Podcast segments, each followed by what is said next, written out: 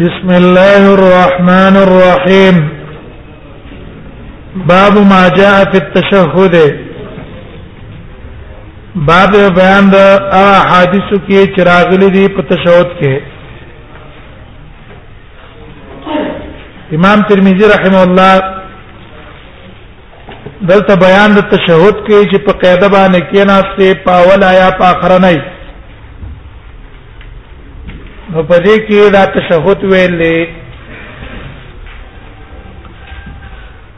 اول په دې تشهود کې یو اختلاف دا ده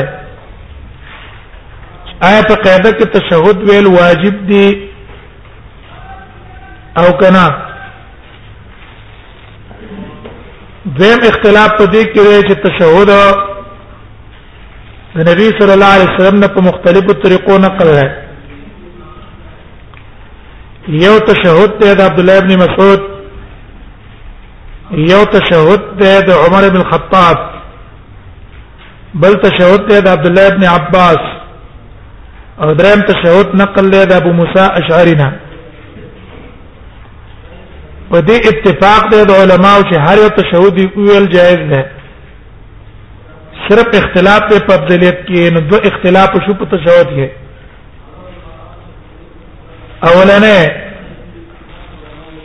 اختلاف دا دی چې آیا تشهود ویل دا واجب دي کنه یو قول علماء دا ده چې تشهود ویل ک اوله قاعده او کدومه قاعده په دوه قاعده کې تشهود ویل واجب دي دا قول د لیث ابن سعد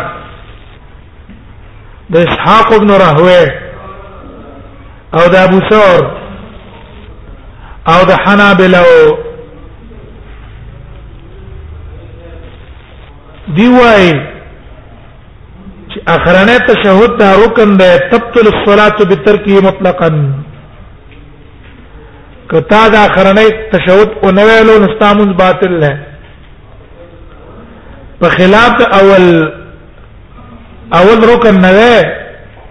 دا غي جبيره کې په سجده سوا چې د جهالت وجه نه پرې کوستو یا د نسيان د وجه نه پرې کوستو هغه جبيره په سجده سوا باندې کیږي په خلاف د اخرنۍ تشهود د اخرنۍ تشهود جبيره کیږي نه تر څو پورې چې دی ویلې رینا دی استدلال نه ولا په دې حدیث د عبد الله ابن مسعود باندې چې ګوره دې کې رسول الله صلی الله علیه وسلم امر کړی دی قال علمنا رسول الله صلی الله علیه وسلم اذا قعدنا في الركعتين ان نقول التحيات لله ويمن ته نبی صلی الله علیه وسلم امر کړی تعلیم را ترا کړی دارنګ استدلال یې نیولې په حدیث د عبد الله بن مسعود چې امام احمد راوړی نسائی راوړی وان محمدا صلی الله علیه وسلم قال و نبی صلی الله علیه وسلم فرمایلی دی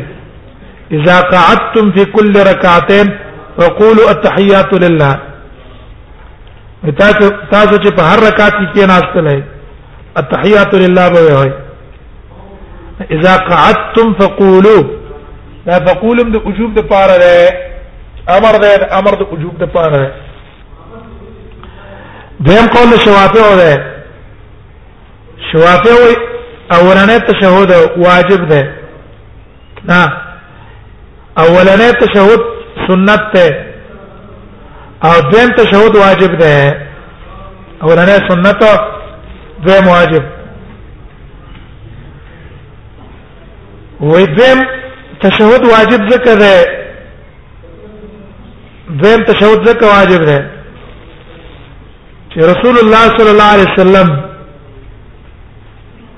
وې په امر کړه ده اخرنه قاعده کې وې ته چې کله په اخر کې کینا استلې په اخر کې ته بچ کې اخر کې وا وې دا به وې تشهود به وې دیم حدیث د عبد الله بن مسعود کې دی اذا قعدتم فقولوا تحيات لله او اولنې سنت ذکر ده واجب نه ده چې رسول الله صلی الله علیه وسلم د دوه رکعاتو نه پاتې دلې ده تشهود نه ده کړه اخر کې به د سجدي کړې قبل السلام وای ګوره نبی صلی الله علیه وسلم چې دا غي تدارک نه کړای په دې ته ویلو دا دلیل په عدم وجوبه نو دی قائل شو دسه چې اخره قاعده کې واجب او اوله قاعده کې سنت دریم قول مالکیانو ده هغه په دواړو قاعدو کې سنت ویلې اوله قاعده کوم تشهود سنت ته په دویم کوم سنت ده دا غي دلیل نه ده وې دا ذکر دی دا ذکر چې په مانځ کې جهر نه کیږي په یو طریقه باندې جهر نه کیږي واجب نشو لکه تسبیح پر رکوع په سجده کې واجب نه ده اختلاف پکې تیر شو کنه چې تسبيحات ورکو په سجده کې واجب نه دي ځکه جار پې نه کیږي دغه څه دام شو او کوم احادیث کې چې امر راغله کوم احادیث کې امر راغله نو یې امر د پاره د استحباب ده قرینه ته دا ده چې تشهود په حدیث د مسیح الصلات کې ذکر شوی نه ده پکې نه ذکر دریم قول دا احناف ده احناف وای چې دا تشهود ویل واجب دی پاوله قاعده کې هم پرست قاعده کې هم خلا تبطل الصلاه بترك واحد منهما که په اوله قاعده کې تشهود پرې کوستو که په دویم کې د پرې کوستو مونږ باندې دیږي نه فرق باندې ورته دی اولنی قول والا ورستنه قاعده کې تشهود پرې کوستو عامدن باندې مونږ باطل ویلو دی ته مونږ باطل نه وي او بس په حدیث استدلال نه ولا چې کوم اولنی قول په استدلال نه ولا دویم اختلاف دا دی چې آیا تشهود کم تشهود افضل دی مختلف تشهودات شو نو اختلاف دې په افضل کې امام ترمذی بم هغه ته اشاره وکړي نو د امام ابو حنیفه رحم الله او امام احمد او اکثر فقهاو دا تشهود د عبد الله بن مسعود غوړه کړه تشهود د عبد الله بن مسعود چې دا موږ تاسو وایو تحیات لله والصلوات والطيبات دا غوړه کړه وجه یو دا دا وجود ترجیح چې دا تشهود چې د متفقون علیه ده په صحیحین او غیرهما امام بخاری امام ترمذی او ټول اصحاب سنن دا وړه تر دې چې امام ترمذی او ابن المنذر او امام خطابی او ابن عبد البر په تمهید کې هغه دا قول کړی دی تشهود ابن مسعود اصح حدیث فی التشهد وتشهود عبد الله بن مسعود دا هغه حدیث چې په ټول احادیثو کې دا صحیح حدیث دی دا ابو بکر صدیق هم دا تشهود وره او وقد روي من نفم وعشرين صحابيا دا تقریبا څه د پاسه شل صحابونو دا تشهود نقل لای نو دیو جنا دا افضل شو په نسبت دا غنورو دویم وجه د رجحان او دلیل ته دا ده چې ابوبکر صدیق رضی الله عنه علمه الناس على المنبر دا تشهود خلق ته د منبر د پاسه خودله دریم وجه دا ده ان النبي صلى الله عليه وسلم اخذ بكف ابن مسعود ابو بکر صدیق چې منبر د پاسه خودلو دا اهم ځکه خلق ته خودو دریم نبی صلی الله علیه وسلم د عبد الله مسعود لاس نیولای اهمیت لپاره او دا ورته ور خودلې ده لزياده الاهتمام درې موجه د رجحان ادا ده ان رواته نقلوه مرفوعا على صفه واحده دا دا روایت چې څونه کسان نقل کړي په صفت نقل کړي عبد الله مسعود د القمه لاسنی ولا القمه د خپل شاګرد لاسنی ولا نبی سم د عبد الله مسعود نی ولا ته خودله دا حدیث ته اخذ مسلسل به یره دغه سلاسونه نیولې بل خبر پکې ور کړه دیم قول امام شافعی ده امام شافعی حدیث د عبد الله بن مسعود چې کوم تشهود کې ده هغه غوړه کړه وی وجه دار چې پکې زیادت الفاظ دي التحيات لله والصلوات الطيبات المباركات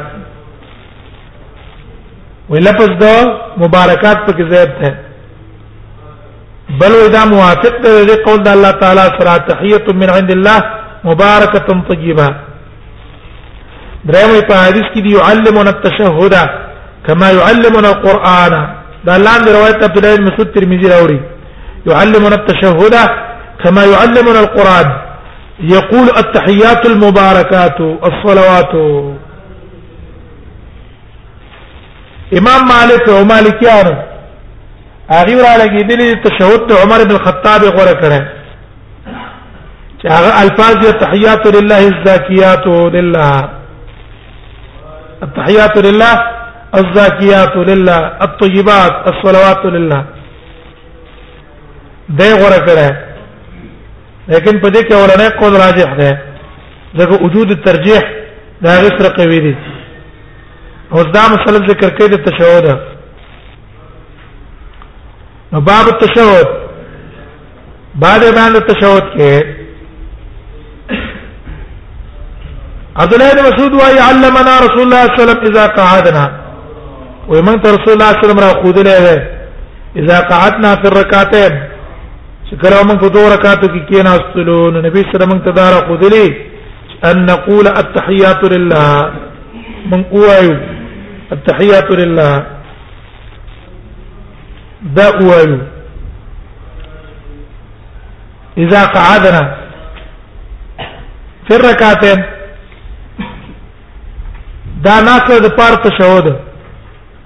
ومن اوایو التحیات لله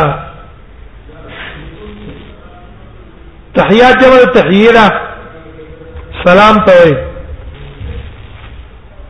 او د جمع راوړه التحیات وجداده چې بادشاہان چو کنه بادشاہان دیو به یو بل ته سلامونه ورکول په مختلفو طریقو چا به ویل انا ان صباحا ستا سبا دې خو لکه دی وخت خلک ګډ مورننګ وای کنه سار دې خشوا او افتر نون ماقام دې خشوا غرمه ټیم دې خشوا چا دا ویل چا ویل اسلم کثیره چا ویل عش الف سنه زر زر کرنه دې شي زر کال دې الله جون درکې چون کې د دیو دا یو قسم سلامم د شنو چې الله د پاره مستحقو نو د دې وجنا لفظ التحیات وینا معنی سونه انواع د تعظیم چې دي دا د الله د پاره دي الله د هغه مستحق ده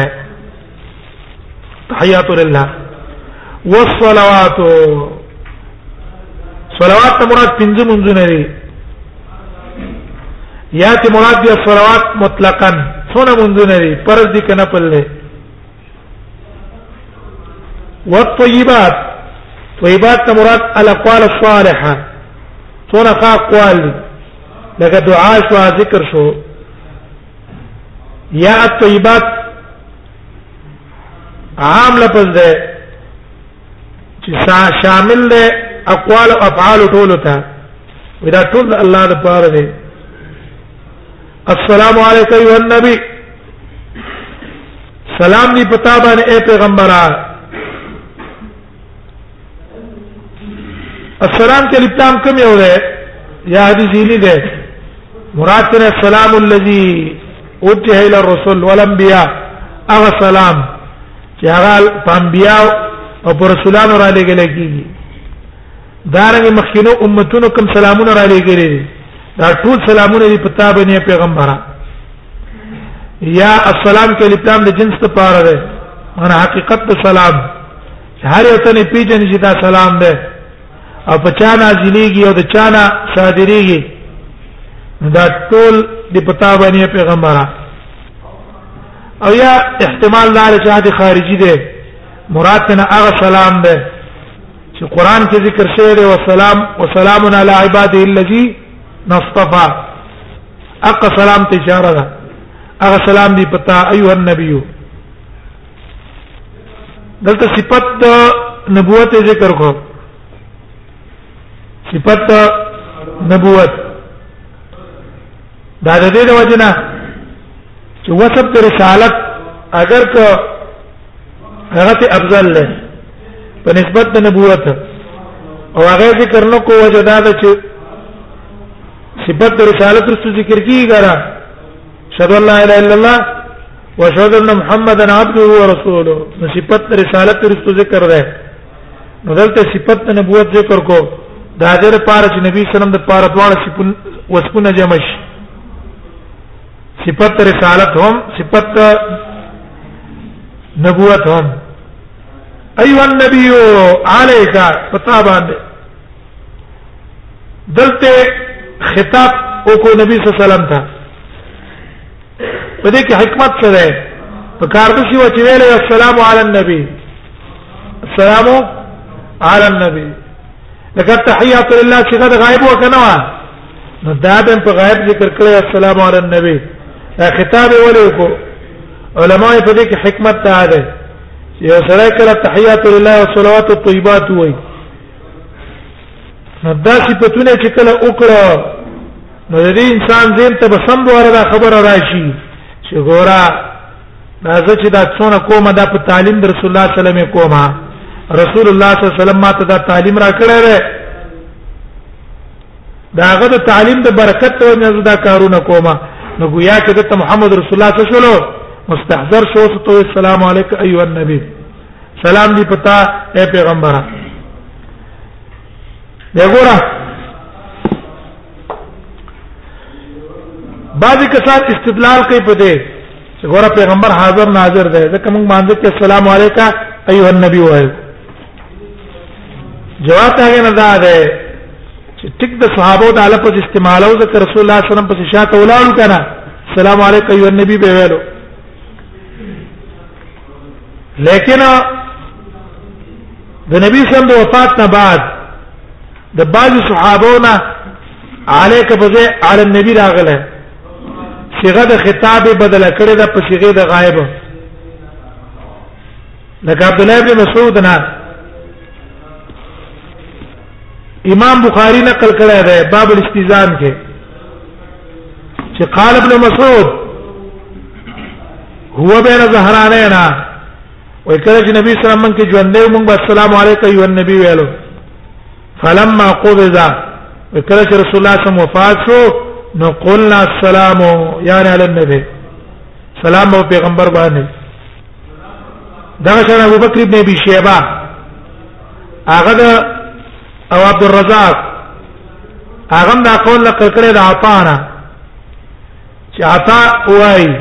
چې كانوا يقولون والنبي حي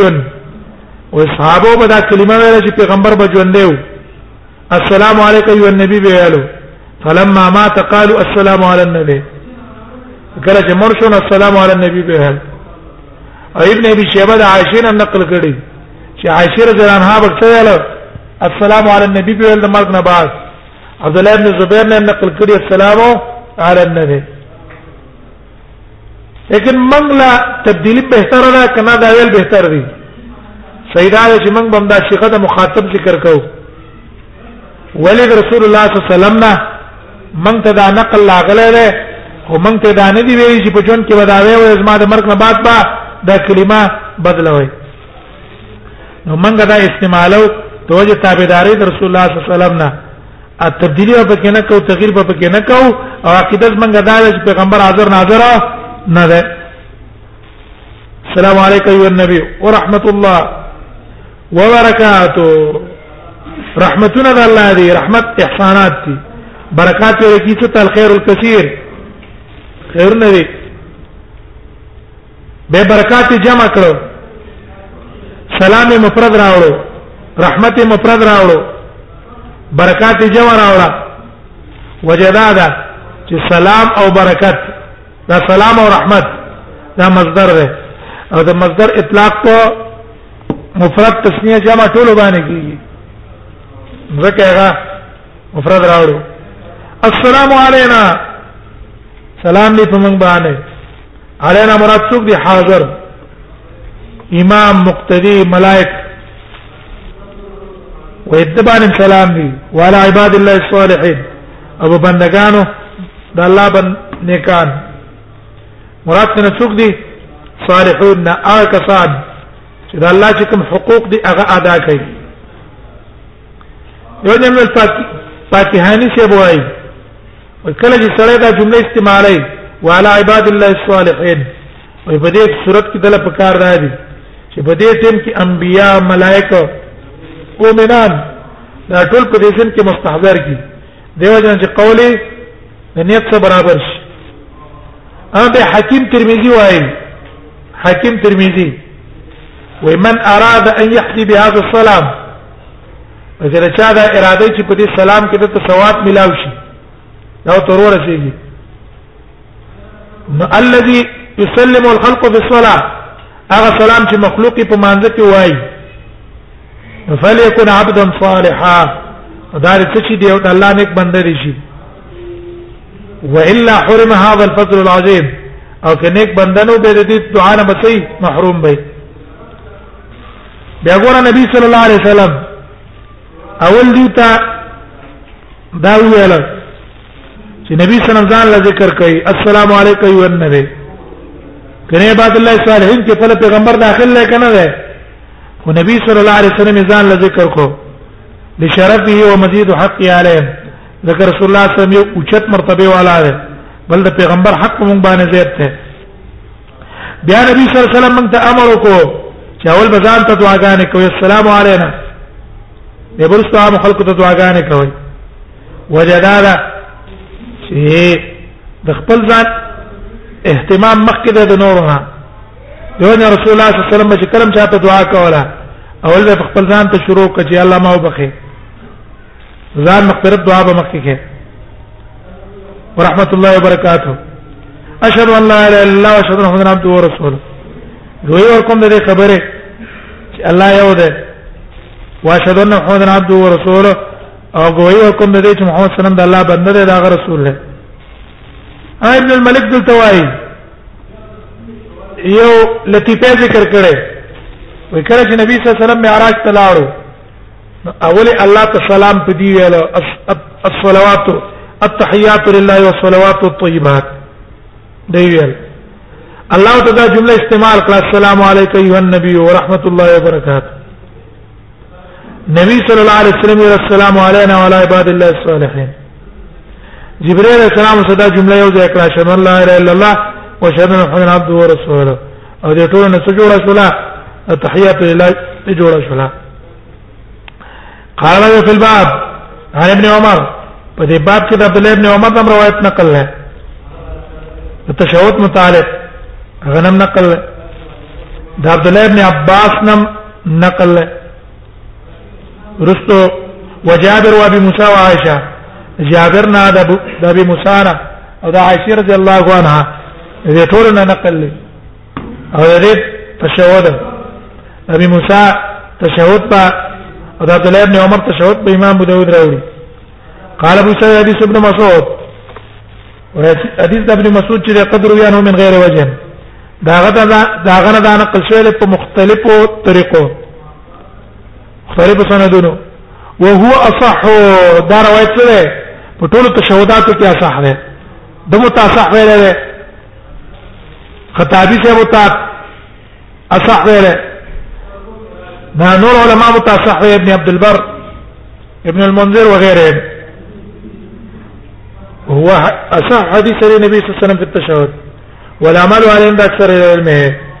او په دې باندې عمل له پنځ د اکثر علما من اصحاب النبي صلی الله علیه وسلم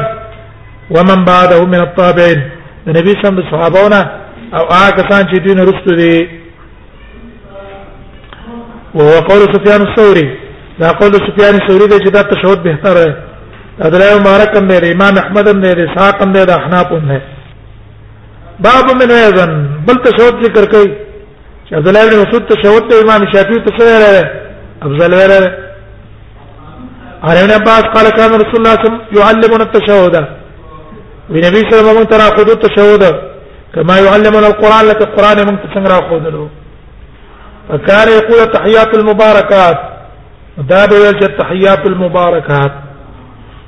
هغه سلامونه چې د برکت نه ډک دي الصلوات الطيبات عبادات بدني الطيبات عبادات د جبه الا ټول الله د پاره وي سلام علیک ایو النبی ورحمت الله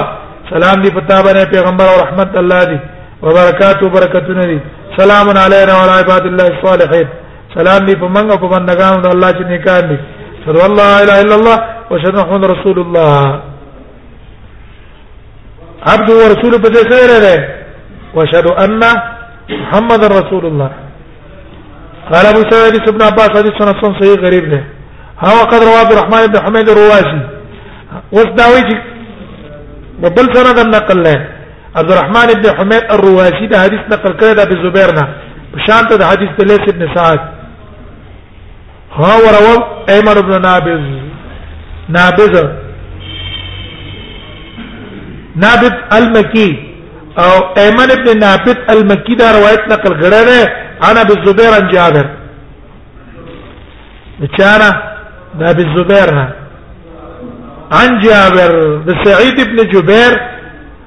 او د طاووس په ځای څوک ورمنډل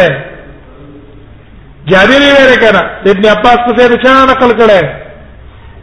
دا روایت چا نقل له ابن عباس نه او د زبیر نقل کړه ده د سعید ابن جبیر او د طاووس نه طاووس او دیو نقل کړه د ابن عباس نه او د جابر نقل کړه او هو غیر محفوظ خدا صحیح نه ده دا روایت چا نه ده د جابر نه ده بلکې دا د عبد الله ابن عباس ده دا روایت ده وذهب الشافعي الى حديث ابن عباس امام شافعي قول کړی په حدیث ابن عباس پتشو پتشهود کې باب ما جاء انه يخفي التشهد